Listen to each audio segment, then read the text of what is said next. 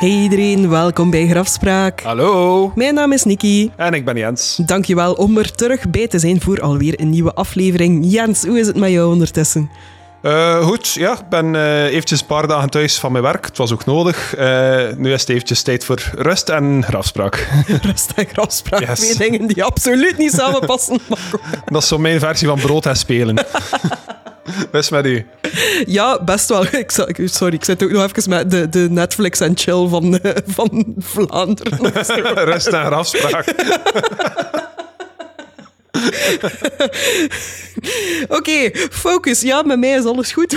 nee, nee, nee, focus. Ik vind dat we net een nieuwe uitdrukking gestart zijn. En nou dat moet inburgeren. Wanneer kom over voor rust en grafspraak. Pakt u een date mee, zet kijk dat er... Maar ze zijn met piemels in de zee aan het gooien. Maar goed, uh, ja, alles oké okay met mij. Perfect. Trouwens, over piemels in de zee gesproken, nog een keer shout-out naar Pauline, die ons uh, voor vorige aflevering is komen vergezellen. Ik denk dat ze heel blij is dat ze daar niet mee had geassocieerd worden. Uh, maar dank wel, Pauline. We zijn altijd heel blij met die aflevering. Het dat heel goed gedaan. Absoluut, inderdaad. We hebben ook heel veel positieve reacties erop gekregen. Dus uh, het, was, het was echt wel leuk. Het is altijd wel leuk om de gastspreker erbij te hebben ook. Ja, en ook altijd leuk om positieve reacties te krijgen op je afleveringen. Nee, hint, hint. voilà. Nu, we blijven maar met de positiviteit smijten. Want we gaan eerst ook nog dankjewel zeggen aan de mensen die Grafspraak mee mogelijk maken. En dat zijn onze Patreons. Yes. En deze week zijn dat Anne Vinke, Mark van Kampenhout, Clara Lucy, Sandy B, Lord Arthur, Annelies de Koning, Michel Buik, Iper, Kevin en Sarah, Johanna, Benedict Helissen, Shani Hoosens, Ray, Sarah S., Anne van Woensel, Michiel Provoost, Lenny Wiemens, Julie van Malderen, Shari Polvliet, Miguel Fernandez Perez, De Jan, Mike Keizer, Josie, Michael Onkelings, Zustash en Suzanne van Dalen. Allemaal topmensen die het nooit gaan voorvallen, eh, die het nooit gaan meemaken. Liever dat ze ja, opstaan om heel vroeg s morgens naar hun werk te vertrekken en dat eerste dat ze doen van de trap donderen is.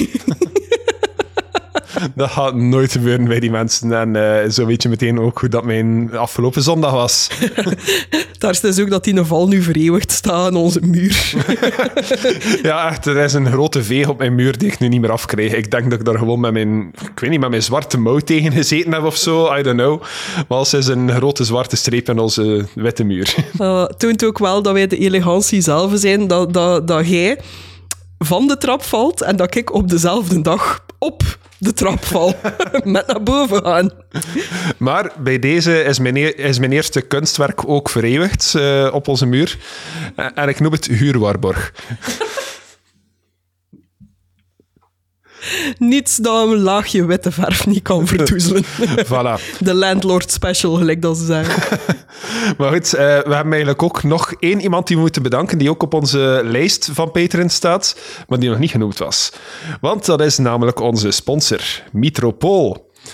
Uh, voor de mensen die, uh, die er nog niet mee vertrouwd zijn, Metropool is dus een maandelijkse krant die je in je bus kan krijgen, die, zich, uh, die nieuws vertelt over een wereld genaamd Terra, waar cryptids en mensen met elkaar samenleven. Zo heb je daar vampieren en weerwolven en banshees en een beetje van alles rondlopen. En de, ja, de vorige keer hebben we het al kunnen aankondigen dat Metropool er aankwam, maar nu is het er ook effectief. Je kan reeds een abonnement nemen op metropool.com. Ik zal het misschien nog eens spellen, dat is M-Y-T-H-R o-p-o-o-l.com.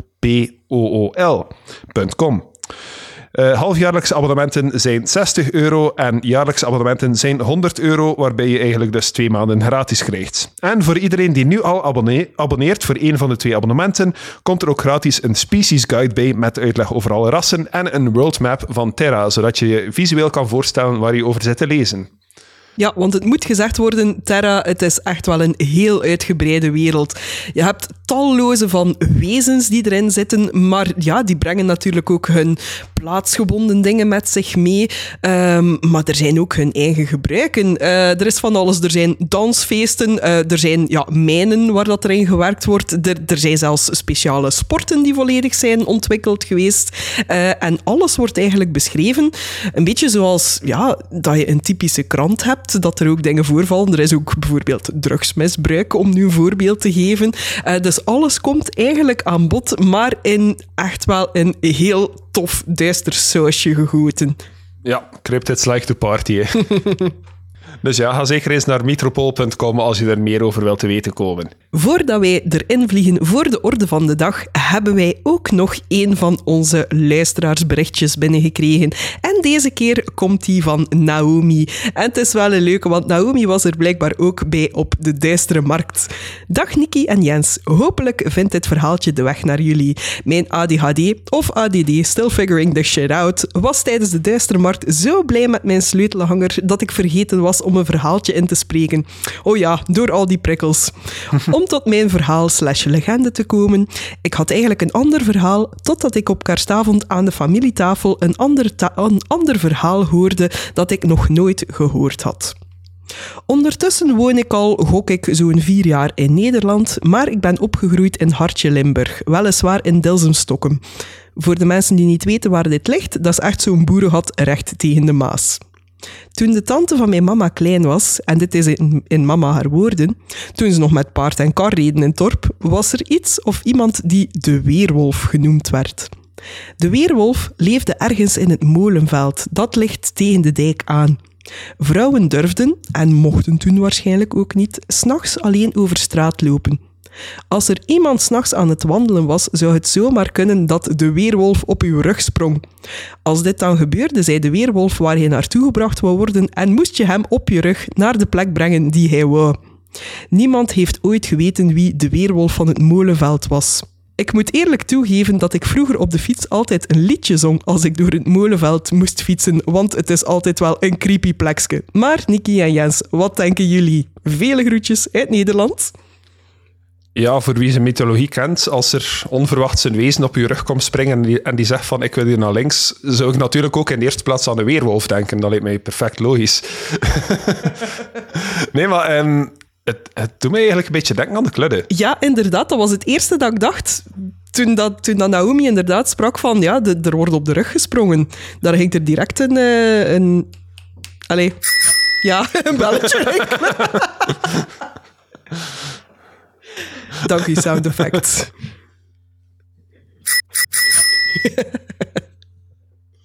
Ik weet niet waarom dat mijn duim omhoog steekt, wat mensen horen dat niet, maar bij deze. Nu ja, zoals dat we wel weten van de legende van de kludde, um, kwam dat wel in bepaalde streken voor. Hè. Dus het zou mij inderdaad niet verbazen dat, um, ja, dat dat verhaal zich gewoon verder heeft uh, doorgestrekt nog, hè, tot, in, tot in Limburg, inderdaad.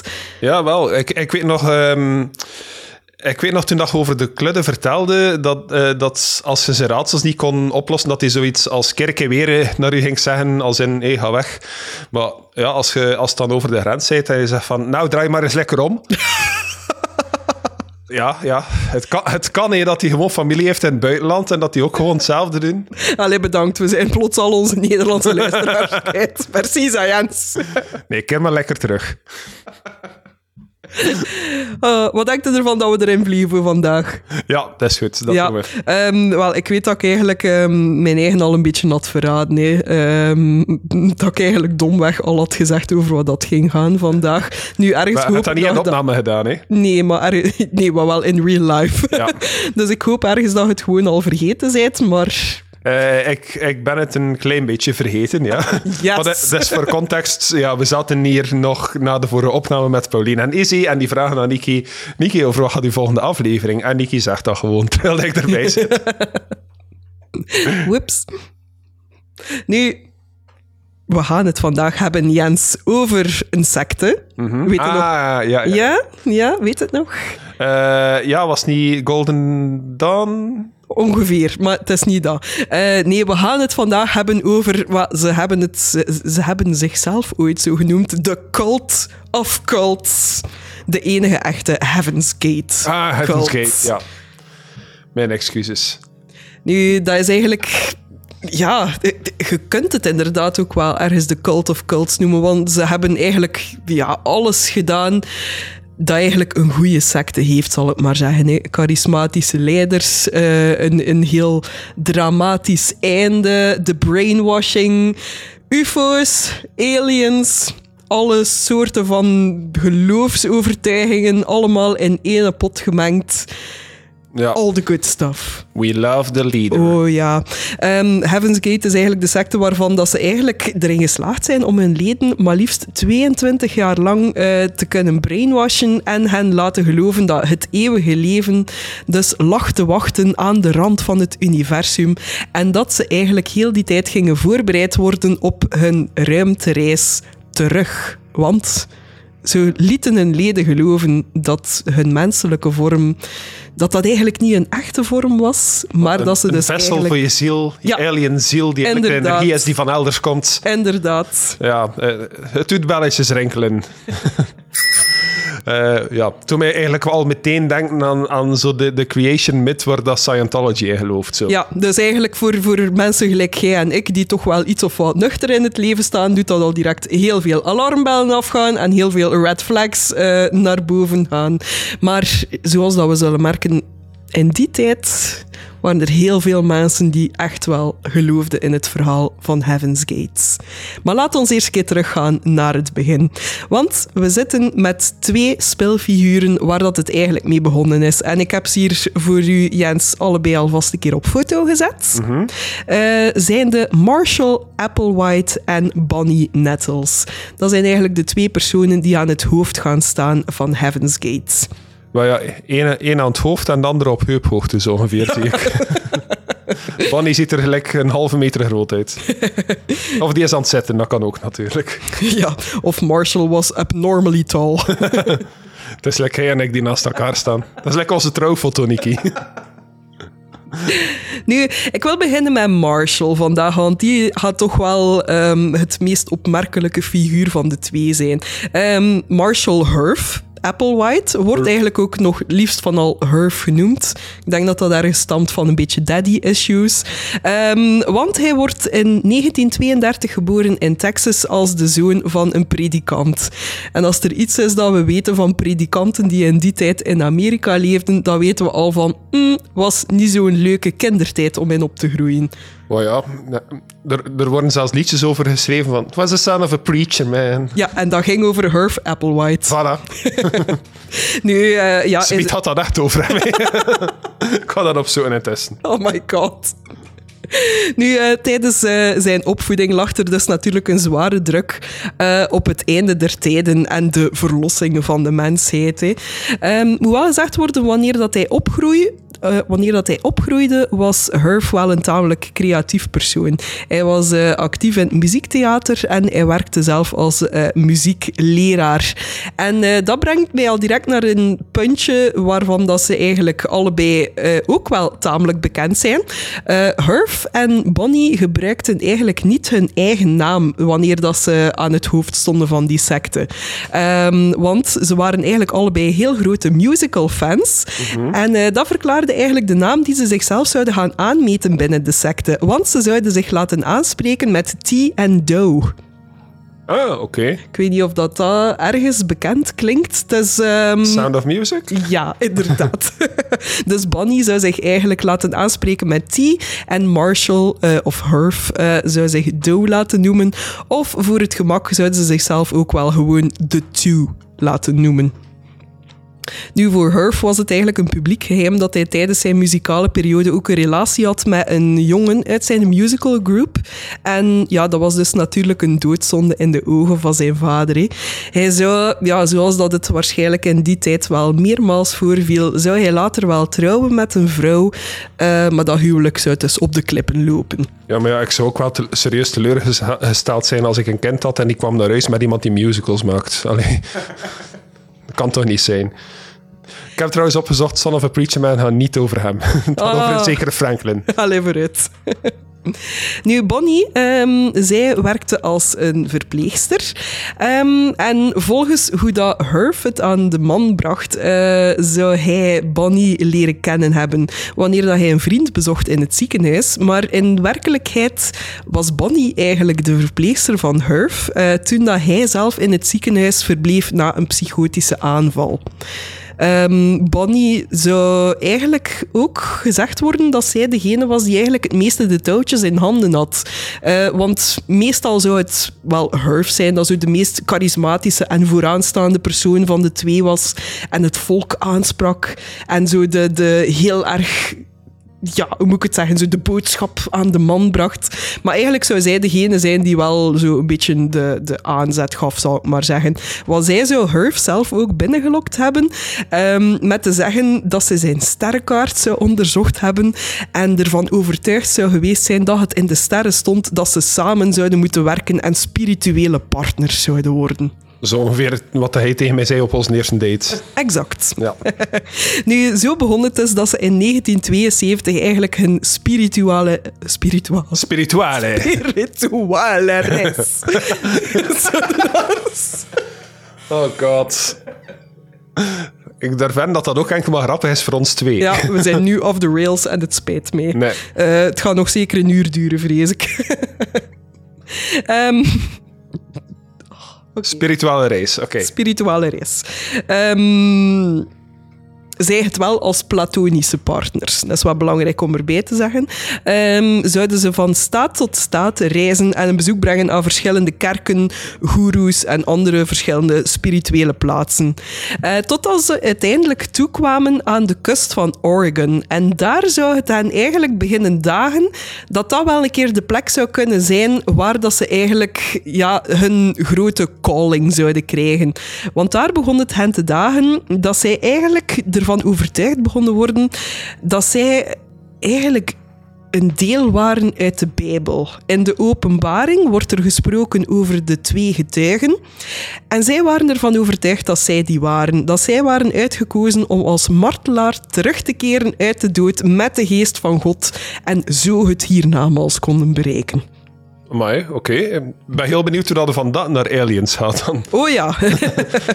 uh, Wel, ik ga zeggen, het begon dus in 1975, wanneer dat er voor de eerste keer een meeting werd gehouden in een motel in Walport, Oregon.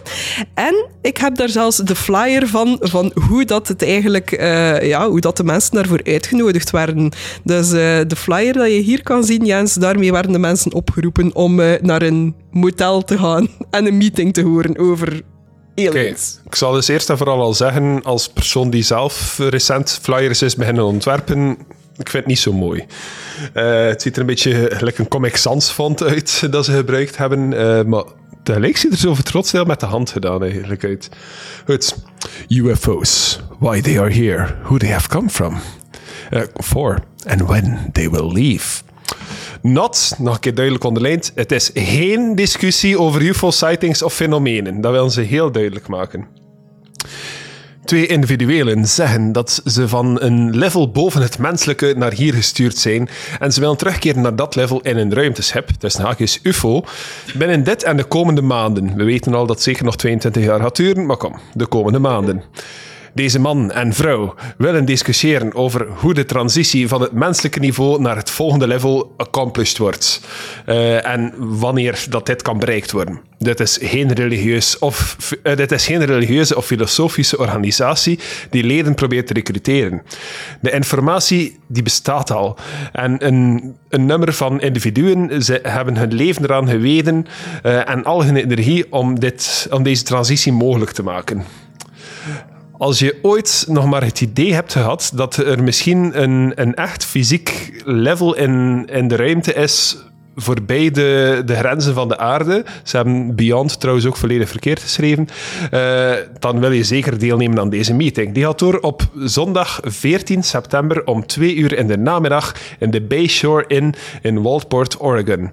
En dan staan er nog, nog wat kleine dingen. 16 miles south of Newport. Ja, 16 miles south of Newport. Voilà, dus okay, dus we weten waar dat moeten zijn op 14 meest, september. De meest aantrekkelijke flyer ja, ja, als, ever. Ja, als je daar geen honderden leden mee gaan ronselen, Kort, to the point. Alles dat je maar wilt. Voilà, dat, dat, dat is lekker ik die een anekdote van twee zinnen probeert te vertellen. Nee, nee, er is nog bonus content. Goed, dus ja, met deze flyer eh, werd dus de geïnteresseerde beloofd dat er een UFO zou komen en degene zou meenemen die bereid waren om het leven hier achter te laten voor dat op een andere wereld. Hè. Dat- Ehm, sorry, to- toen wij er ook gewoon bij stilstaan hoe nutteloos dat ik zou geweest zijn in de jaren 70. We gaan nog een keer terug naar, naar die flyer, Tom, nog een keer die onderkant. Kijk, er staat er 16 mijl te zuiden van Newport. Zeg mij nu van, je moet naar het zuiden van Brugge gaan. je zijn mij kwijt. Als ik geen minimap met een kompas heb, gelijk in een videogame, kun je niet van mij verwachten dat ik een windrichting ga weten zijn. ja, maar dat is, hè. Ik bedoel, kompassen zijn ook niet echt een ding meer. hè. Zit dat zelfs nog op uw, op uw smartphone? Ja. Toch? Ja. Ah, Op de mijn toch? Ik heb dat erop gezet. ja, je ziet dat er mij iemand een keer vraagt van het zuiden van Brugge. nooit, hè? Ja. Ja. je moet wel. Ja, is dit het zuiden van Brugge? Zitten wij in het westen, het oosten, het noorden? Wat We is zitten in het allemaal? Noordoosten. Ja, voilà. Ja, kijk, voilà. Zo, zo hopeloos verloren zou ik al geweest zijn. Ik weet dat omdat ik heel veel in aanraking kom met toeristen in Brugge en heel veel stadsplannen kom bovenaan. Ik moet ook altijd een keer van, is dat nu in het oosten of in het westen dat de zon opkomt? Zo- Zo- Zo'n natuurmens ben ik. Goed, mag verder. Goed, Sorry. over naar andere vreemde mensen. Eh, dus volgens een getuige die daar op die eerste meeting aanwezig zou geweest zijn, zouden er maar liefst 200 mensen ehm, ja, die meeting meegevolgd hebben. Serieus, 200? Ja, Ja. ja. wij hebben maanden reclame zijn gemaakt voor aflevering 100 en daar is er 150 man op afgekomen. Had ik dat geweten, ik had ook gewoon een lelijk flyertje aan de paal gehangen hoor. Nu, voor mijn eigen gemak en allee, voor de luisteraar ook, ga ik nu gewoon ehm, Bonnie en eh Herf, eh, ga ik ze T en Doe beginnen noemen. Hè. T is de vrouw, Doe is de man. Oké. Gewoon even voor duidelijkheid. Ehm, dus ze zouden het eigenlijk gaan hebben over eh, ja, hoe dat de mens eigenlijk de next level zou kunnen bereiken. En ze wouden dat eigenlijk een beetje vergelijken met de metamorfose die een rups eigenlijk doormaakt eh, tot een vlinder. Ehm, zo zouden de leden dus eigenlijk op het einde van die metamorfose op biologisch vlak volledig transformeren naar hun ja, ware aard of waar ei- uiterlijk, zijnde dus ja, een alien. Ehm, nu, het lijkt natuurlijk moeilijk te bevatten dat dat enigszins aansloeg. Eh, wij als toch wel iets of wat nuchtere denkers zijnde. Ehm, maar ja, ze, ze hadden natuurlijk geen moeite om effectief wel mensen voor zich te winnen. Ehm, zoals dat je wel weet, elke goede secteleider heeft een enorm charismatische eh, leider. En Doe was daar natuurlijk de perfecte man voor. Eh, het moet ook wel gezegd zijn dat de periode er ook wel goed voor was. Want het was natuurlijk wel een periode dat heel veel mensen op zoek waren naar hun eigen spiritual awakening. En ze zochten dat vaak buiten de vaste godsdiensten om. Ehm, vooral ook omdat het christendom toen gekenmerkt werd door de vrees voor het einde der tijden en ook ja, alle oorlogen die aan het woeden waren, zijn eigenlijk allemaal dingen die ze te- tegelijkertijd wilden gebruiken om mensen voor zich te winnen, maar ook om hun leden te waarschuwen van kijk, de tijd op aarde zit er hier bijna op, maar wij hebben wel de oplossing ervoor. Wij kunnen u meenemen weg van deze planeet en live happy joy joy. Nu, en natuurlijk ook ja, het feit dat er een soort van science fiction hoekje aan zat, maakte het plaatje helemaal af. Want ja, in die periode was natuurlijk ook wel de interesse in buitenaardse ook wel tamelijk hoog. En T gebruikten daar ook heel slim eigenlijk... ehm, de, ja, de stukken uit de Bijbel.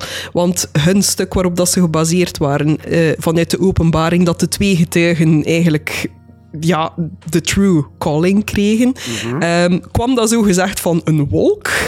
Ehm, en zij geloofden, of zij probeerden toch de mensen te vertellen van het is nooit een wolk geweest. In de tijd dat ze de Bijbel schreven, kenden de mensen het begrip UFO gewoon nog niet. Dus hebben ze het zomaar aan de man proberen brengen dat het een wolk was die hen meenam en hen deed opstijgen naar de hemel. Dus het is altijd een UFO geweest en wij brengen die UFO nu terug naar jullie.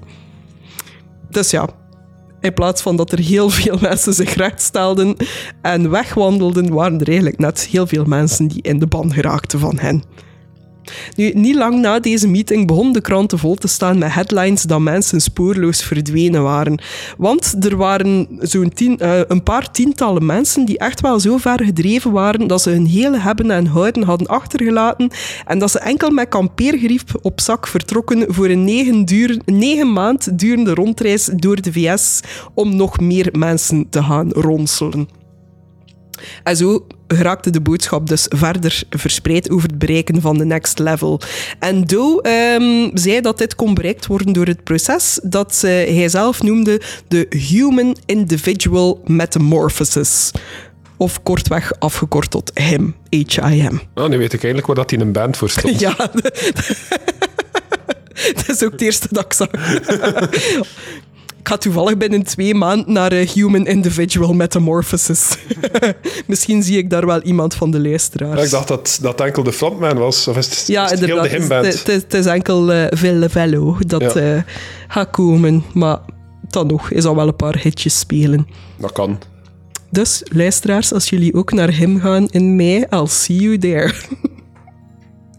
Nu, zoals ik dus gezegd had, um, om eigenlijk ja, de next level te bereiken, wil dat zeggen dat je ook afscheid moet nemen van alles dat je fysiek eigenlijk tot deze aarde houdt. Dus dat wil ook zeggen dat ze eigenlijk moeten afscheid nemen van al de meer menselijke aspecten van hun leven. Zoals bijvoorbeeld bezittingen, verslavingen, jobs, maar onder andere ook ja, geliefden en familie. Dus in bezittingen moesten ze dan afstaan aan de, aan de secte, veronderstel ik. Maar eigenlijk werd er niet echt iets uh, afgegeven, want uh, het was eigenlijk zo, en ik ging er eigenlijk nu tot aan toe komen, dus dat is een heel mooie segue, um, is het eigenlijk zo dat... Uh, er wordt eigenlijk niet echt gezegd dat ze dingen moesten afgeven of dat ze moesten leven voor de secte. Um, omdat er eigenlijk heel weinig sociale controle en heel weinig druk was. Uh, T en Do zouden in de eerste maanden uh, eigenlijk amper beveling geven of zelfs maar aanwezig zijn tijdens die rondreis. Maar ook zou er eigenlijk niet echt een sociale structuur bestaan. Um, iedereen leefde eigenlijk behoorlijk volgens vrije wil en eigenlijk een heel erg nomadisch bestaan.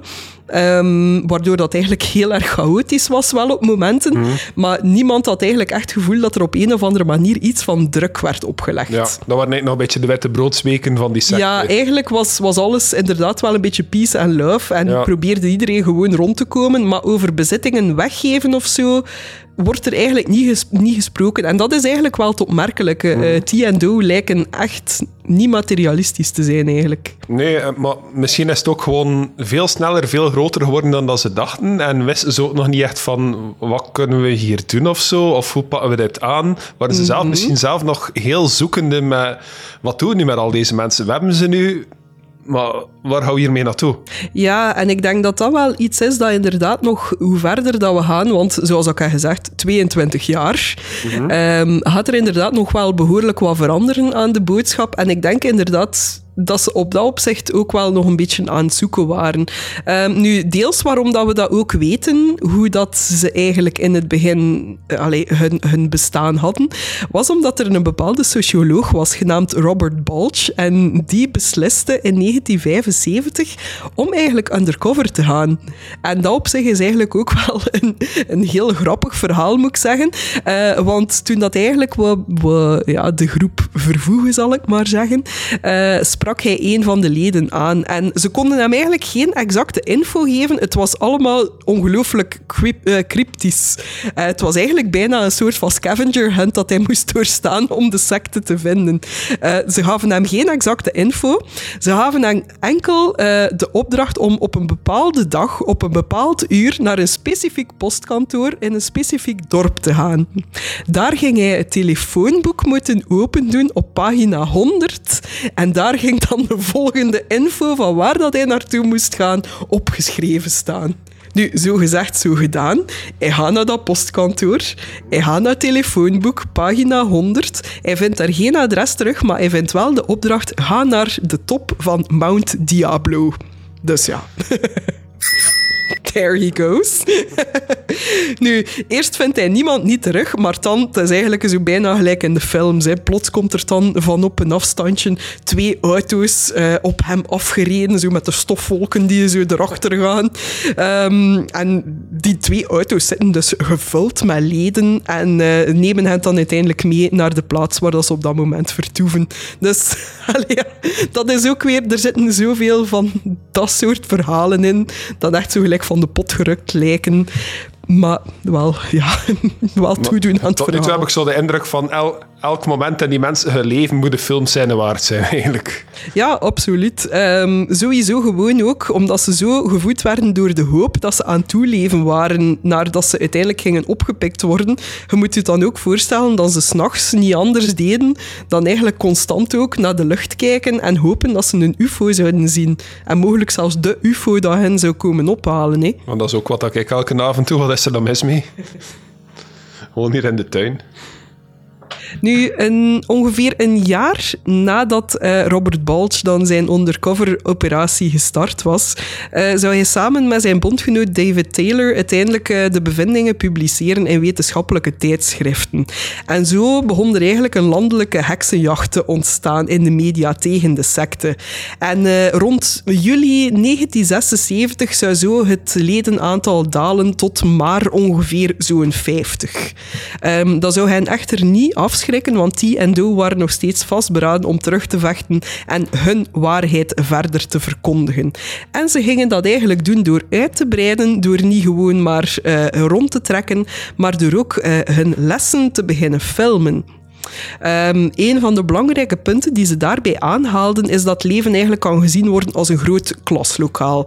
En dat eigenlijk alles tot in het kleinste detail een, een invloed kan hebben op de mens. En de manier waarop dat je daarmee omgaat, gaat dan eigenlijk bepalen of dat je al dan niet kan verder overgaan naar de next level. Want dat is wel ook een ding niet iedereen gaat zomaar de next level kunnen bereiken. Dus mhm. dat op zich, dat nieuws, kwam voor sommigen echt als een bom in. Ja, niet iedereen is gelijk. Nee, mensen dachten van oké, ik heb hier uh, my people gevonden en ik ga hier de enlightenment krijgen om naar het volgende leven te gaan. Oei, maar nee, nee plots komen heel zijn, veel regels. zijn meer our people dan andere van jullie. Ja, inderdaad. Maar toch bleven die mensen daar dan wel hangen in die secte.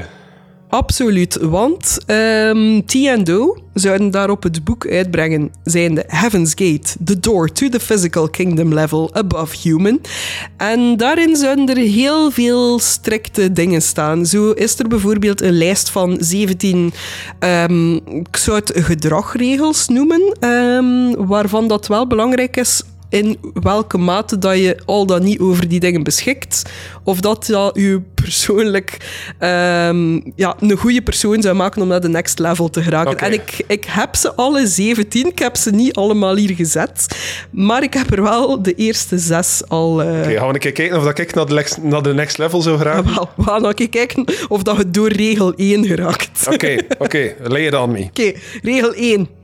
Kan je regels volgen zonder er jouw eigen interpretatie aan te geven? Absoluut niet. Regel 2. Kan je instructies geven volgens hoe je ze krijgt of veranderen ze volgens jouw eigen gedachten? Pas.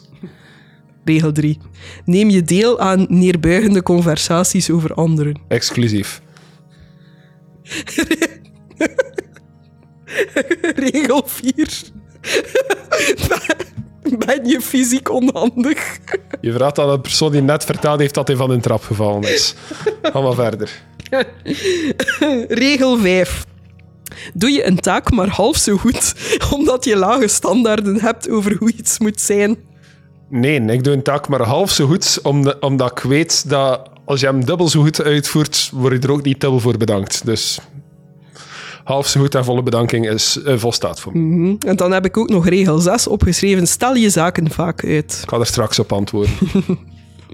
um, dan hadden ze verder in hun boek ook nog een oplijsting gemaakt over zware en minder zware overtredingen.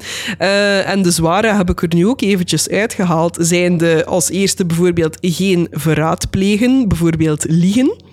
Um, een procedure of instructie moedwillig niet naleven, werd ook gezien als een zware overtreding. En de zwaarste van allemaal uh, ja, zijn de opwindende gedachten of handelingen. Sorry, maar de foto van die twee secteleiders gezien? Hoe kun je daarna kijken zonder opwindende gedachten te krijgen? Mm -hmm. Het is fysiek onmogelijk volgens Sommigen zeggen secteleiders, anderen zeggen sexy-leiders. Wauw. Maar goed, dus de, uh, ondanks dat niet iedereen gelijk is, ondanks al die moeilijke regels en zo, mensen gingen daar toch bij blijven hangen. Mensen gingen toch trouw blijven aan Heaven's Gate.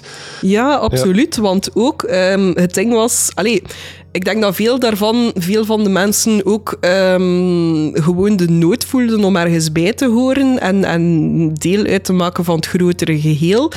En ze kregen ook een verantwoordelijkheid. En ik denk dat dat ook wel belangrijk is, want ze krijgen één, de verantwoordelijkheid dat ze zelf binnen de lijntjes lopen, maar er wordt ook gewerkt met een systeem van een checkpartner. Dus dat ze eigenlijk een buddy system hebben met twee. Ja, Dus dat ze eigenlijk ook verantwoordelijk controle. zijn. Inderdaad. Ja. Ja, en we mogen natuurlijk ook niet vergeten, eh, het is 1976, dus 64 jaar na de Titanic en 24 jaar voor de film Titanic. Iets moest die leegte invullen. Hè. Dus Heaven's Gate kwam er eigenlijk op perfect moment in het perfecte tijdsvak. Exact. Ja. Ja, it was uh, all meant to be. Het was al in de stars. Mhm. Zoals dat zij waarschijnlijk ook dachten. Eh, dus, ehm, zoals gezegd, kwam het er dus op neer dat er eigenlijk van de leden verwacht werd dat, ze eigenlijk bijna een soort van ja, robotisch leven zouden beginnen leiden als zijnde ja, seksloos door het leven gaan, geen, geen echte lichamelijke plezieren meer hebben, want dat hoorde allemaal bij het aardse leven. En begon het echt meer en meer eh, aan te komen op zich voor te bereiden op eigenlijk ja, de, de, de ruimtereis die ze zouden beginnen maken. Hè. Ja, dus eigenlijk exact hetzelfde als een bestaand World of Warcraft abonnement hebben. Ja, ik, ga, ik, ga je, ik ga je woord ervoor nemen.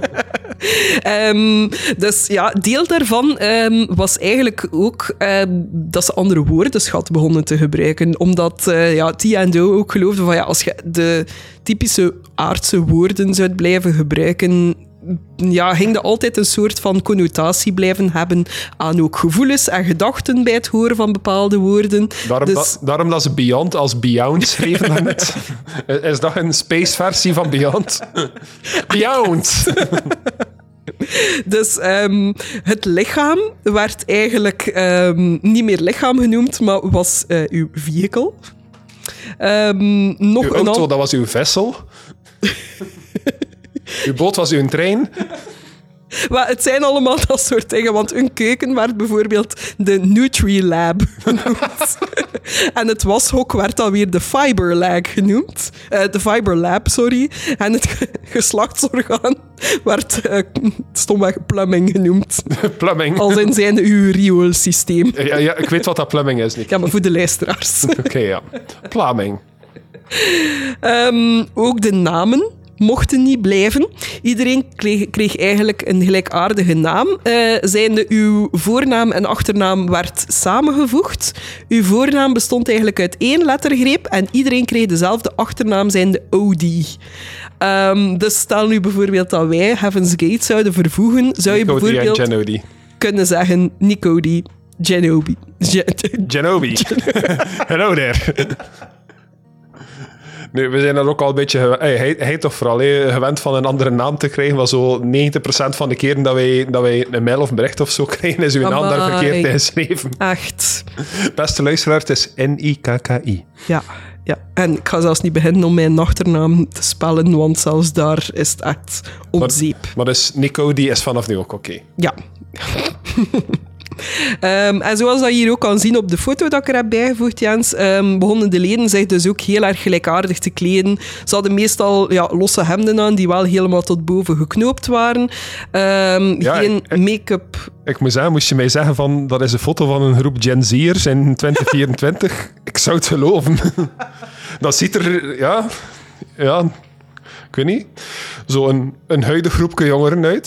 Ze zijn zo op dezelfde manier ge- gekleed zoals, zoals dat jongeren dag van vandaag rondlopen, met zo die, ja, die, die korte androgene kapsels en zo, dat je heel veel ziet de dag van vandaag, zitten daar eigenlijk ook tussen, hè? Maar ja, dat is inderdaad wel. Ik bedoel, allee, nu ook. Allee, ja, gender doesn't matter.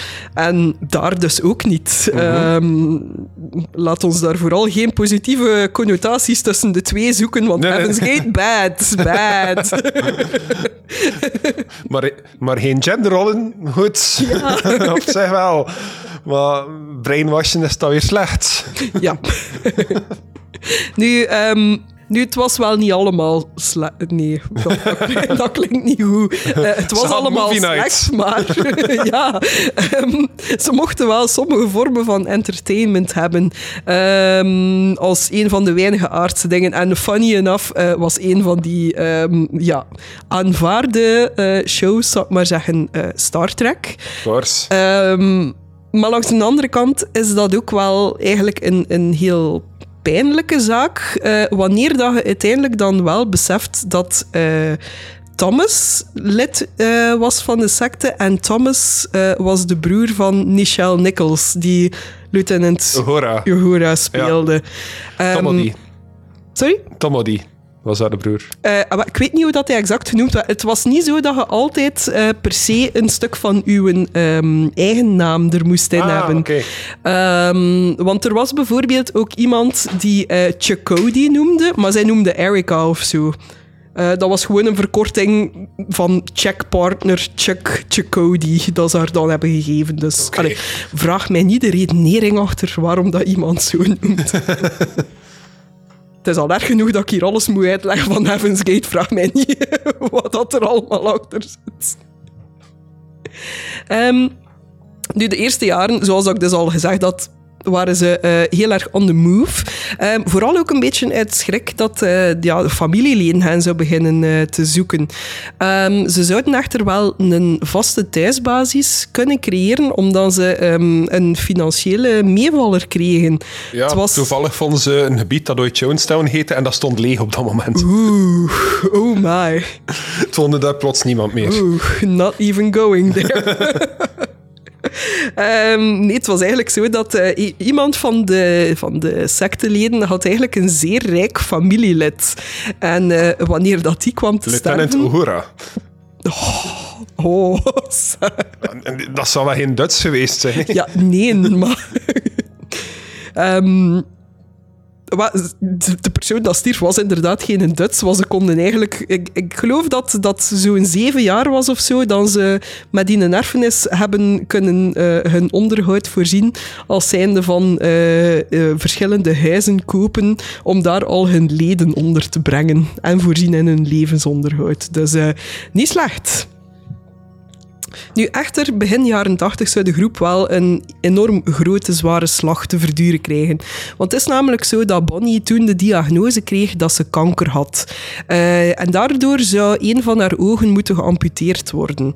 Ehm, en dat is eigenlijk een ding dat wel heel zwaar begon te vallen, maar ook werd stilgezwegen in de groep, want dat ging eigenlijk rechtstreeks in tegen een van de overtuigingen die gepreached werd. Zijnde van, als je dat next level wilt bereiken en als je wel degelijk wilt meegenomen worden, eh, moet je eigenlijk een heel goede gezondheid zijn. Allee, één, en twee, moet je ook in leven zijn. Ook Uw, uw lichaam of uw vehicle was toch maar iets tijdelijk? Een, een omhulsel voor uw ziel eigenlijk? Ja, maar je moet nog altijd wel je, je vehicle, zolang dat je het nog hebt, moet je wel natuurlijk het onderhouden, want je gaat die biologische verandering moeten kunnen ondergaan. Was... Wel, en ze had al een extra opening om die biologische... Sorry, ik, ik weet, ik ben, ik ben hier aan het lachen met iemand die kanker gekregen heeft, maar tegelijk is de secteleider, dus... eh, ja. Waar, waar, waar.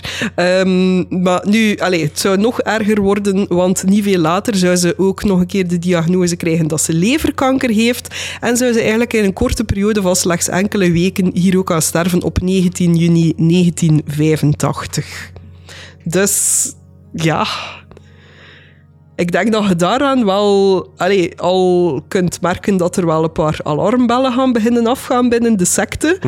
Eh, want ja, ten eerste een van hun spirituele leiders is komen te sterven. Dan nog een van de getuigen. Ja, en ten tweede, allee, de vraag dus van, oké, gaat Bonnie dus zelf dat next level kunnen bereikt hebben? Ja, ai, en, en ook in heel dat geloof van de getuigen, als ik mij eh, de Bijbel, die ik grondig bestudeerd heb natuurlijk, als ik mij die goed herinner, is een van de rollen van de getuigen ook om de valse profeet aan te duiden ten tijde van de apocalyps. Wat dat zij nu niet gaat kunnen doen, was hij is dood. Mhm, ja, dat is miserie alom, hè. Ja. Nu, eh Doe twijfelde dus ook wel eh, om door te gaan met de secte. En in oktober van datzelfde jaar krijgen alle leden wel even de goedkeuring om ook ehm, ja, even terug hun familie te bezoeken en weer eventjes te genieten van Oh. het aardse leven, ik maar zeggen. Dat is zoals die ene dag op kamp dat uw ouders op bezoek mogen komen. En dan moeten ze sociaal zijn met andere ouders, maar hebben zij eigenlijk al twee uur moeten rijden om je daar te bereiken. En waren Ja. ze content dat ik er een weekje weg was. En dan moeten ze nog al die kampliedjes en die dansjes doorstaan dat je ingeoefend hebt. Mhm. Nu, ehm, het is wel zo, eh, daaraan zie je ook weer hoe ver dat de brainwashing gegaan was natuurlijk, want slechts één van al de leden koos ervoor om niet terug te keren. Eh, al de rest zou na een bezoek opnieuw de groep vervoegen. Ehm, ja, nu dat T zijnde Bonnie er natuurlijk niet meer was, ehm, had Doe eigenlijk vrij spel. En heeft hij geprobeerd om, om de draai te geven aan de dood van T, eh, door te zeggen dat eh, haar next level bewustzijn zich zodanig ontwikkeld had, eh, dat het haar vehicle eigenlijk opgebrand had. En nu begint de shift eigenlijk dat het ehm, eigenlijk niet zozeer meer een fysieke verandering is die de leden moeten ondergaan naar de next level, maar dat het eigenlijk meer een spirituele groei gaat worden, waarbij dat de lichamen achtergelaten worden en dat de geesten eigenlijk gaan opgenomen worden. Dus op die manier komt er dus een shift in het geloof en zal de dood van T dus eigenlijk helaas ook onrechtstreeks ertoe leiden eh, ja, dat er eigenlijk zich een, een heel groot drama gaat afspelen binnen tien jaar. Nu, ondertussen bleef Heaven's Gate dus voortbestaan en bleef Doe dus nog verder gaan met zijn brainwashing. Ehm, nu, het eerste dat hij deed om een onderlinge afhankelijkheid verder te benadrukken, was dat er eigenlijk een hele huwelijksceremonie zou komen, waarbij dat elk lid zou trouwen met Doe. Allemaal. Allemaal. Oké. Het was echt met trouwring en al. Dus ehm, ja, omdat dat natuurlijk ook nog niet zo lang geleden is, is er ook heel veel beeld- en filmmateriaal.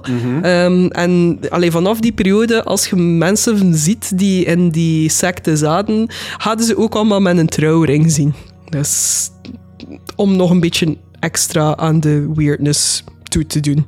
En eh, hoe, hoe zat dat? eh, Werd dat echt als, als een relatie beschouwd? Als in, ze moesten ook allemaal trouw zijn aan hem? Maar eigenlijk niet, want, want allee, alles van... Of van iedereen was met elkaar getrouwd? alles. van- maar Het, het was eigenlijk gewoon meer ja, als spirituele band dat het moest zien. Hè, want want allee, alles fysiek en lichamelijk, van lusten en zo, was allemaal not done. Hè. Dus het was eigenlijk allemaal heel erg platonisch, zou ik maar zeggen.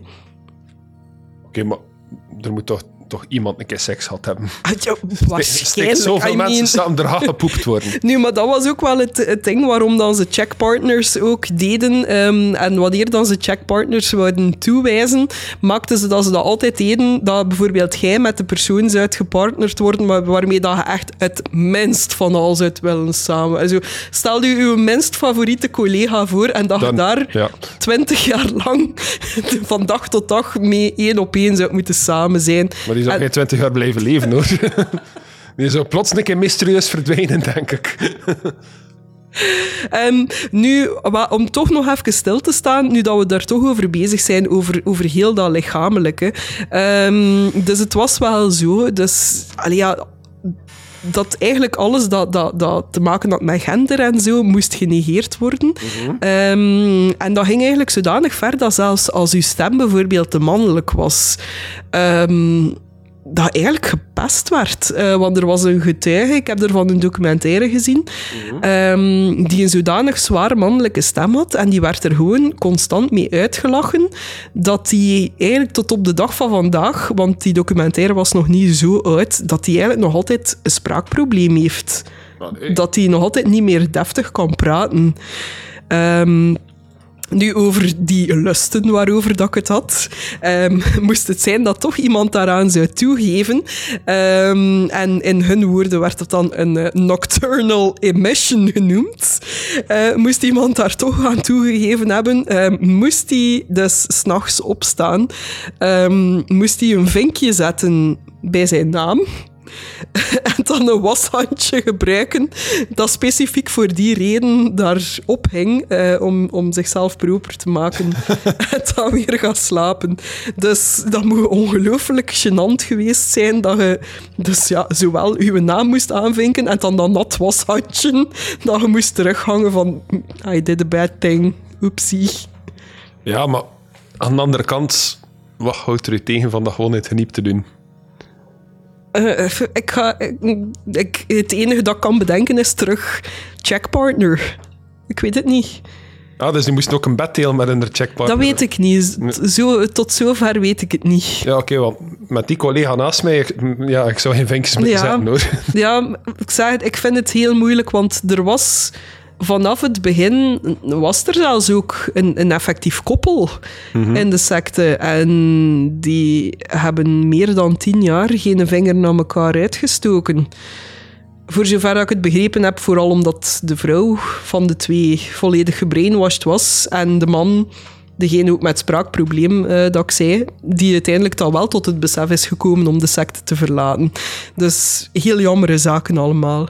Ehm, nu, op dat vlak kwam er dan ook voor Doe eh even een dieptepunt. eh, want hij begon tot het besef te komen dat eh, zijn vehicle eh, zich aangetrokken begon te voelen tot een van zijn assistenten.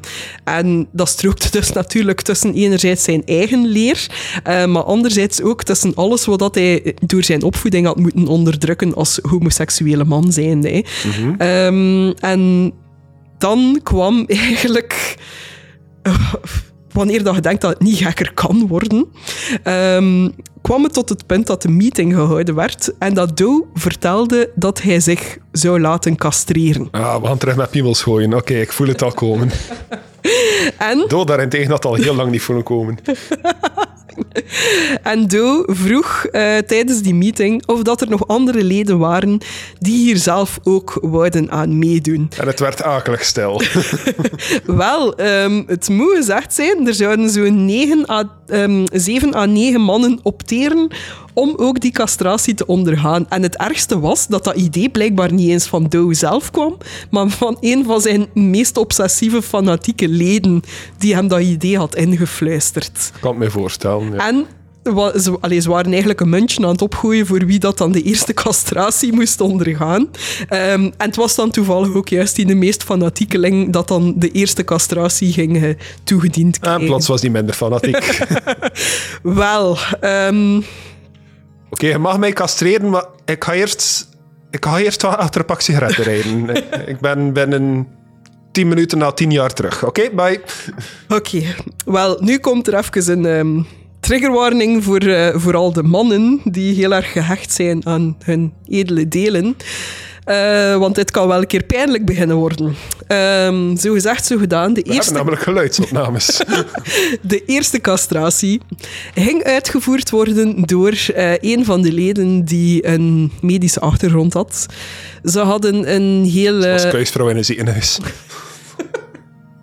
Ze hadden een hele kamer ehm, ja, eigenlijk gewijd aan, aan het hele proces. Ze hadden die volledig steriel gemaakt en dergelijke. Ehm, en dan komt het punt dat dus de eerste castratie gaat gebeuren. Eh, waarop dat de persoon die de castratie uitvoert op een bepaald moment eh, akelig stil wordt en de woorden uttert I've gone too far. Dus, grote explain. paniek Explain. Grote paniek in het castratielokaal. De leden flippen. Ze weten niet wat doen. Moeten wij naar een ziekenhuis? Nee, we gaan niet naar een ziekenhuis, want anders gaan alle familieleden opgeroepen worden. Wat kunnen we doen in de plaats? Ah, we gaan er een priester bij halen. Priester wordt erbij gehaald. Priester flipt. Priester gaat weg. Beslissen ze om toch naar het hospitaal te gaan. Terwijl ze naar het hospitaal gaan. En ik kan niet geloven dat we twee keer naar elkaar piemels in het water gaan gooien. Maar terwijl dat die de mens ligt te creperen van zijn testikels die per ongeluk zijn afgesneden, zijn er twee leden die een tussenstop maken aan een brug en gooien ze zijn testikels in de rivier, Jens. Stel me nu voor dat ze dat zo doen, een steentje dat je zo over het water wilt doen ketsen. Zo plop, plop, plop, plop. Wij hebben twee afleveringen aan elkaar. Piemel werpen in het water. Ja, nu ga ik nog één moeten zoeken nee, voor mijn volgende case. We moeten er een trilogie van maken. Het wordt meer episch dan The Lord of the Rings. En, Hoe en- lang zit hier al op te broeden? sinds dat ik deze research geschreven heb. Oh. Maar, dus, dat was nog maar castratie 1. Hè. Je moet weten, de andere castraties zijn nog allemaal doorgegaan. Hè. Ah, oké, ze zijn... Ja, hè, ze zijn doorgegaan. Ze zijn niet gestopt na, oké, dit loopt valikant mis, we moeten niemand aan het, aan Nee, het maar er, er zijn een paar mannen geweest die iets hadden van fuck this shit, ik ben de secte Ja, uit nu. Maar Ja, er ja. zijn effectief mensen geweest die nog altijd doorgingen. Hè. Ja, speciaal volk. Maar goed, we zijn er bijna, Jens. Bear with me. We zijn ondertussen al in de jaren 90 aanbeland. En Doe bereidt de leden eh, verder voor, maar ook de buitenwereld bereidt hij verder voor, want we zijn de 90s en Heaven's Gate beslist om een media presence te hebben. Ze willen de wereld voorbereiden op het einde der tijden dat nu eindelijk dichter en dichter zou aan het aankomen zijn. Eh, en daarmee proberen ze eigenlijk ook mee te profiteren van de huidige dynamiek in de samenleving. Want ja, we beginnen met de Y2K-panic te zitten. eh, en de oorlogen natuurlijk. Dus heel het einde der tijden begint weer de kop op te steken. Voor de mensen die trouwens niet mee zijn in Y2K-panic... ehm, mensen in, in het einde van de 20e eeuw... En dat klinkt ancient. Geloofden even dat op het moment dat jaar, dat jaartal naar 2000 ging gaan, dat alle computers gingen beginnen flippen, dat er grote virussen gingen verspreiden en dat alles gewoon plat ging liggen. En wat is er gebeurd, Nikki? Niet de bal. Nada. Dus Heaven's Gate bereidt zich wel daarop voor. En ze huren onder andere eh, TV screening time. Ze huren advertentieruimte in de kranten om hun boodschap verder te verspreiden. Ze maken videotapes, ze gaan terug op pad. En uiteraard, met de opkomst, met de, met, Opkomst. met de opkomst van het internet gaan ze natuurlijk ook het internet gebruiken om hun boodschap te verkondigen. Ze hadden een Alta Vista chatgroep. En wat, ik moet zeggen, ik, ik, heb, ik ga ergens nog een keer de beelden opzoeken van hoe dat, dat eruit zag, maar het scheelt niet veel. Ehm, daar kwam er dus natuurlijk helaas ook wel bij. Allee, iedereen kent tegenwoordig wel de comment sections van het internet, maar ook in het begin hadden ze dat. En daar kwam er ongelooflijk veel tegenkanting tegen de secte. Ehm, en de leden voelden nu echt wel dat er een einde zat aan te komen en dat al die negativiteit zich allee, aan toewerken was naar het einde en dat het tijd werd om de planeet te verlaten. Maar ja, de enige vraag begon dan natuurlijk te reizen van hoe ging die exit eruit zien of wat ging het teken zijn dat het eindelijk tijd werd om de planeet te verlaten. Ja, dus ze zijn al meer dan 20 jaar die een do aan het volgen. En nu weten van, het is zijn moment. Nu gaat hij ons eindelijk tonen waar dat we al die tijd op zitten te wachten. Ik ben heel benieuwd wat dat do zijn climax is, waar dat hij 20 jaar aan heeft kunnen werken. Wat gaat hij doen? Hoe gaat hij zijn volk redden? Vertel het mij, Niki. Oh, wel, Jens. Heel uitzonderlijk was er een bepaald fenomeen dat eigenlijk gelijk, gelijk viel met, met het bijna einde van de secte, zal ik maar zeggen. De eclipse. En ik denk dat, dat Doe zelf op dat moment allee, ook echt met de handen in het haar zat van ja, hoe moet ik hier nu verder? Hoe moet ik dat hier nu verder aan mijn leden gaan verkondigen? Maar in 1997 was het jaar dat er een bepaalde komeet, zijnde de heel Bob komeet langs de aarde aan het scheren was. En dat was eh, zodanig aan het domineren in de media eh, dat er daar ook heel veel verschillende complottheorieën van waren. En dat paste perfect in het straatje van Heaven's Gate. Ehm, want er werd namelijk beweerd dat er achter eh, die komeet, dat er daar een ufo achteraan vloog. En dat was dus natuurlijk de uitgelezen kans voor Doe om aan te tonen dat dit het moment was dat ze zich moesten klaarmaken voor een spirituele reis. Ehm, en dat is helaas ook het begin van het einde. Want er was maar één manier waarop dat Doe eigenlijk eh, aan zijn leden aan de man kon brengen hoe dat die reis er moest uitzien. Want we wisten ondertussen al sinds de dood van T dat het niet langer een biologische metamorfose was, maar eerder spiritueel. En dat het lichaam dus ging moeten achtergelaten worden. Wat dat dus wil zeggen dat het een afscheid zal worden van een paar maanden. Ehm, in de laatste maanden voor het afscheid van de leden is er heel veel vastgelegd geweest op video. Het is heel hartverscheurend eigenlijk. Eh, ik heb een documentaire bekeken, eh, Heaven's Gate, Cult of Cults noemen het, denk ik. Ehm, maanden waarin dat er onder andere getoond werd dat er een kerstfeestje gehouden werd onder de leden. Uh, ze zouden een talentenjacht uitvoeren. Ze zouden uitstapjes doen naar Mexico, naar SeaWorld. Um, een groep zelfmoord. Allemaal eigenlijk heel toffe dingen, maar je zegt het eigenlijk al, Jens. Ja, ja dat is meestal wat dat ehm, afloopt met dat soort sectes. Het is inderdaad een afscheidsvideo geworden. Want, gelijk dat je het ook ziet, uh, ik heb hier een patchken. Ze hadden mm -hmm. allemaal op het einde dezelfde outfit aan. Ja, ik, ik denk dat, dat dat het stuk van Heaven's Gate is dat ik wel al kende, dat die een video gemaakt is geweest op het einde. Dus uh, zeg nog een keer, want ze hebben inderdaad uw patchken aan, hebben het al uh, ja, daarnet dus gezegd. je ziet er zo een, een sterrenstelsel, ik denk een komeet en een sterren zo ook op. en in letters Heaven's Gate Away Team. Away Team, inderdaad. Um, wat dat ook heel hard verscheurend was, want elk afzonderlijk lid heeft nog een laatste keer een uh, vaarwelboodschap opgenomen.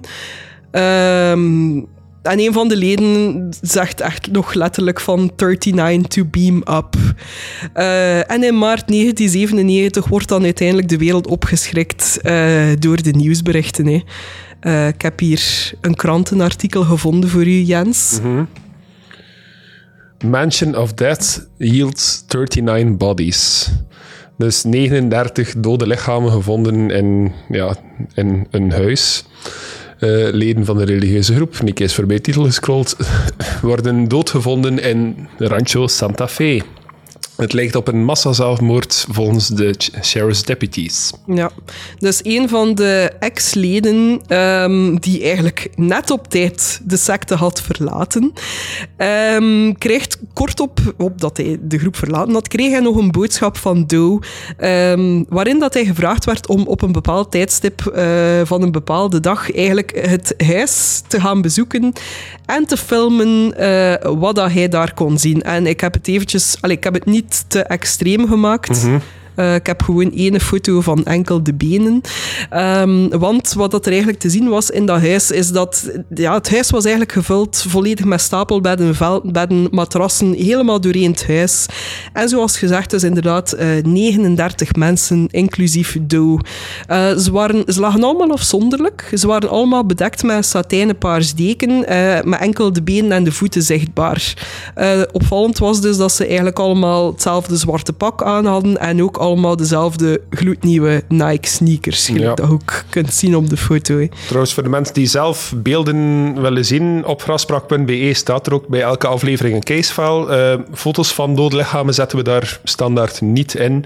Uh, maar normaal gezien, uh, voor wie dat echt alle beelden wil kunnen zien, gaan we er waarschijnlijk wel links in zetten, dacht ik. Ja, inderdaad. Ja, maar dus geen foto's zelf. Je moet geen schrik hebben als je de casefile wil lezen. Dan ga niet plots een foto van een lijk zien of zo. Nee. Um, de zelfmoord zijn uiteindelijk ook in shiften gebeurd. Uh, het zou dus namelijk zo zijn dat blijkbaar... Ik weet niet wat dat juist was. Het was, het was een combinatie van, van pillen, uh, maar ook van een, een plastic zak die over het hoofd uh, gedaan werd. Um, en de groep die dan nog bleef leven, even, zorgde dan eigenlijk ervoor dat ja, de, de opkuis een beetje gebeurden. Dat ook de personen die al overleden waren eigenlijk ja, mooi konden gelegd worden. Dus dat de paarse doek heel mooi over hen kon gelegd worden. Dus dat eigenlijk, ja, dat eigenlijk allemaal heel erg ja, liefdevol gebeurde, zou ik bijna zeggen. Um, en zo bleven ze eigenlijk doorgaan totdat er maar twee mensen meer overschoten die dus eigenlijk ja, voor zichzelf moesten zorgen, ja. om het zo te zeggen. Dus het is, het is, het is eigenlijk hartverscheurend dat zoiets kunnen is gebeuren. Hè. Um, eigenlijk nog zodanig erg ook dat, dat brainwashen zodanig ver ging dat enkele weken nadat dat nieuws was uitgekomen, dat er zelfs nog enkele ex-leden zijn geweest die het gevoel hadden dat ze de boot gemist hadden en dat ze ergens nog altijd deel worden uitmaken van de groep en ook nog zelfmoord gepleegd hebben. Terwijl dat ze eigenlijk al terug thuis waren. Ja. Um, Nu, Bonnie, eh, die had ook een dochter, eh, voordat ze eigenlijk zelf ook in de secte ging, genaamd Terry Nettles. En zij zou in de nasleep van, van de, de zelfmoorden eigenlijk wel haar best doen om de eer van haar moeder eigenlijk te herstellen. Ze zou in heel veel praatprogramma's verschijnen en dergelijke. En ze blijft erbij dat nooit zo ver zou gekomen zijn indien dat Bonnie zou blijven leven hebben. En dat er helaas, ja, door haar gemis, dat, eh, ja, dat Doe eigenlijk off the rails is gegaan en dat hij daardoor eigenlijk echt volledig ja, gek is beginnen worden bijna. Ehm, Ik denk dat ze dat al allebei lang voor Bonnie dood waren. ja. Maar het is inderdaad wel zo dat, dat het, ehm, ja, van zodra dat zij is gestorven, dat het ja, dan echt wel begon toe te werken naar, naar het einde, om het zo te zeggen. Maar ik ga ze inderdaad zeker niet goed praten. Oké, maar het was nog altijd een secteleider. Ja. Ehm, nu, de overlevende ex-leden zouden wel nog afspreken met elkaar. Ze komen nog eh, terug om ja, de ervaringen nog verder te delen met elkaar en om nog steun te vinden met elkaar. Ehm, daar is er ook wel een beetje een wake-up call gebeurd, want ook hier was Terry, dus de dochter van Bonnie, bij. En heeft zij ook wel brieven met de ex-leden gedeeld, want ze heeft eigenlijk heel een tijd sinds dat ze in de secte had gezeten, is ze een briefwisseling blijven behouden met haar dochter, wat dat eigenlijk ook tegen haar eigen leer instrookte, want ja, ze preachte natuurlijk dat het totaal geen aardse verbindingen mocht hebben. Maar zij bleef wel telkens brieven sturen naar haar dochter. Onder andere ook ehm, waarbij dat ze zegt van nee, blijf u ehm, conformen aan de regels die er zijn. Blijf gewoon meedraaien in de samenleving om uzelf te redden. Dus alles dat ze zei tegen haar dochter strookte volledig in tegen haar eigen leer en toonde eigenlijk ook aan dat Bonnie waarschijnlijk zelf ook al veel langer niet meer overtuigd was van haar eigen leer en eigenlijk wou stoppen met de secte of eruit stappen, alleszins. Wat dat is ook een heel erg... zat of zo dan. Sorry? Maar misschien te diep zat, of te veel mensen die op haar rekenden, of schrik voor de reactie van... eh, hoe heette hij weer al?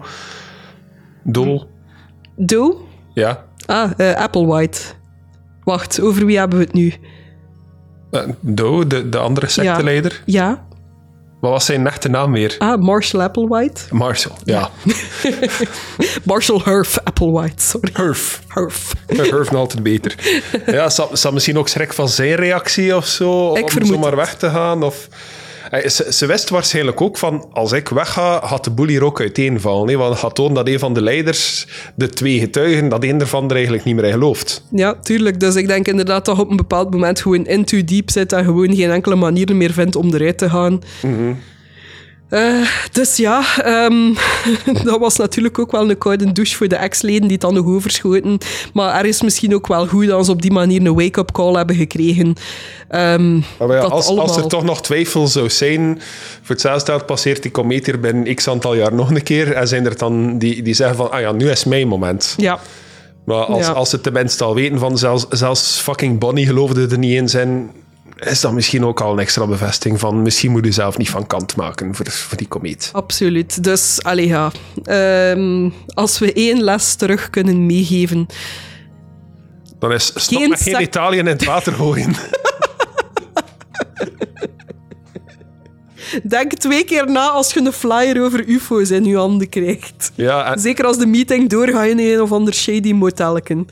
En met, alle, met alle respect voor mensen die, die in poetsdienst werken, maar doe geen castraties. Laat, laat u ook niet castreren do- do- door een poetsman of poetsdame of whoever. Doe dat niet. Nee, stop. Voilà, ik denk dat dat een mooie conclusie is voor deze aflevering. Dus Jens, je weet, de pressure is aan. Hè. Volgende keer opnieuw eh, piemels in het water. Gaat dat lukken? Ik, had- ik had een cryptid voorzien eigenlijk. Oké, dat lukt wel. Ik zal mijn best doen om, eh, om, eh, om, een, lega- eh, om een verhaal te linken aan, aan geen Italië in het water. Oké, dus volgende keer cryptids. Kijk er al naar uit. Ik ook. Goed, ik begin ook te merken dat mijn stem het aan het begeven is. Ik dus ik het. denk dat Moet het ik een... afsluiter doen? als geweld. Dit was Raspraak voor deze week. Wie meer wil te weten komen over Heaven's Gate of een van de meer dan 100 andere onderwerpen die we reeds behandeld hebben, ga naar raspraak.be en kijk bij de casefiles. Maar er is nog veel meer te doen op raspraak.be. Zo is er onder andere ook een webshop waar je tal van kledingstukken kan bedrukken met onze designs. Er is ook een contactpagina waar je je eigen spraakbericht of e-mail naar ons kan sturen.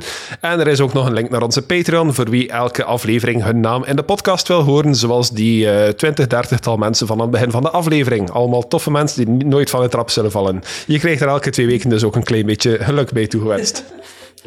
Nicky, stop met lachen. Je hebt geen stem. Je moet je beschermen op dit moment.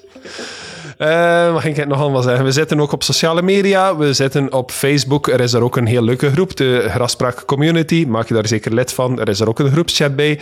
Ah, trouwens, in die groepschat had ik gevraagd of er mensen waren die vragen hadden voor ons. Dus we zijn eigenlijk toch nog niet zo klaar als we dachten. Ik ga zo meteen verder met mijn, eh, met mijn outro.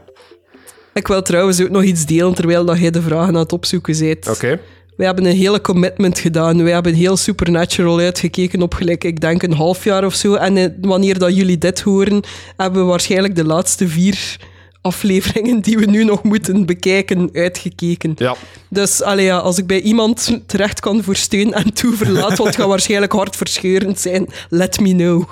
Ja, we hebben nog vier afleveringen te gaan en we gaan die waarschijnlijk vanavond bekijken. Eh, maar ik moet zeggen, ik, ik, ik heb Supernatural eigenlijk bekeken van toen dat, dat een nieuwe serie was. En toen zag alles er visueel ook heel goed uit en zo, toen ik 16 jaar was.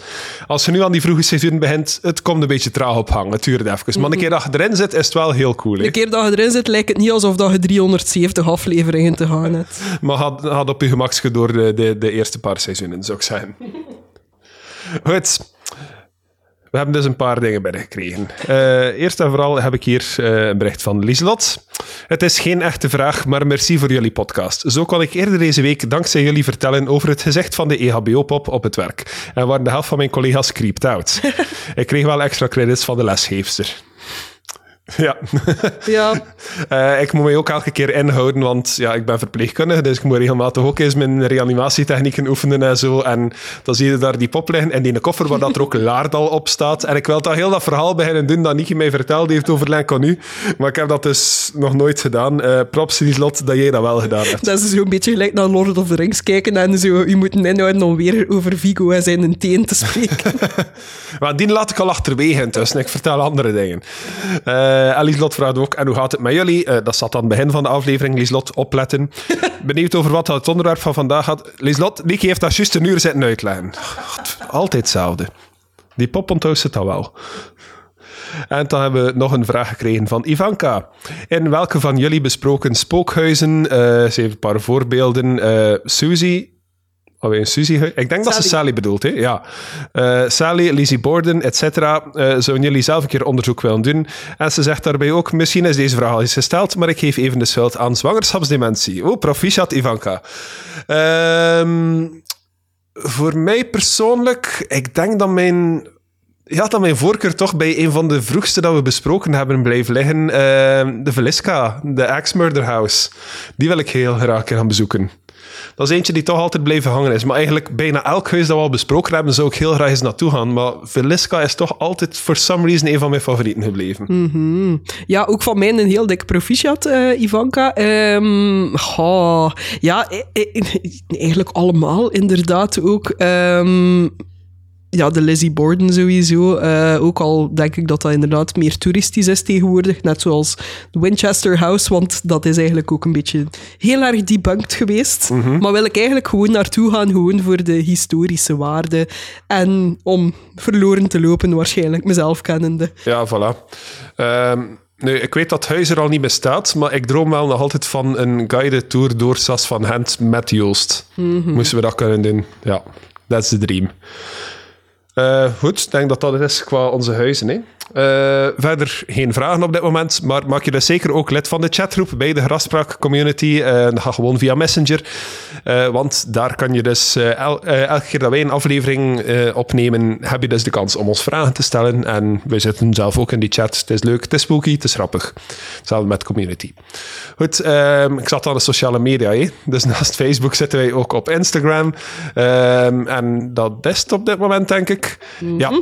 En ja, we zijn een beetje overal te beluisteren. We, we staan op alle podcastplatforms. Uh, zijn de Spotify, uh, Apple Podcasts, Amazon Podcasts, Stitcher en al de andere. Um, we vragen gewoon dat jullie, uh, jullie abonneren of onze rating geven. Het zijn allemaal gratis dingen die je kan doen om de podcast toch een klein beetje mee te steunen. En dat helpt ons ook vooruit. Dat zorgt dat wij ook kunnen blijven groeien. Als je luistert zonder, uh, zonder die gratis steun te verlenen, ja, dan kan het wel een keer gebeuren dat je, ja, dat je een kleine, kleine ingreep wil laten doen door wie dat je beschouwt als een medisch professional en dan plots hoort van oei, ik ben te ver gegaan. We gaan de priester erbij moeten halen. Goed, dit was Grafspraak. Dankjewel en tot de volgende. Yes, stay spooky people. En we zien elkaar terug binnen twee weken wanneer ik het over een cryptid zal hebben. En Nicky dan flink zal moeten luisteren naar mij. Joepie. Hey, tot dan. Bye bye. Wanneer komt deze ping? Want ik zit hier al heel tijd te wachten tot dat kan stoppen. Nu.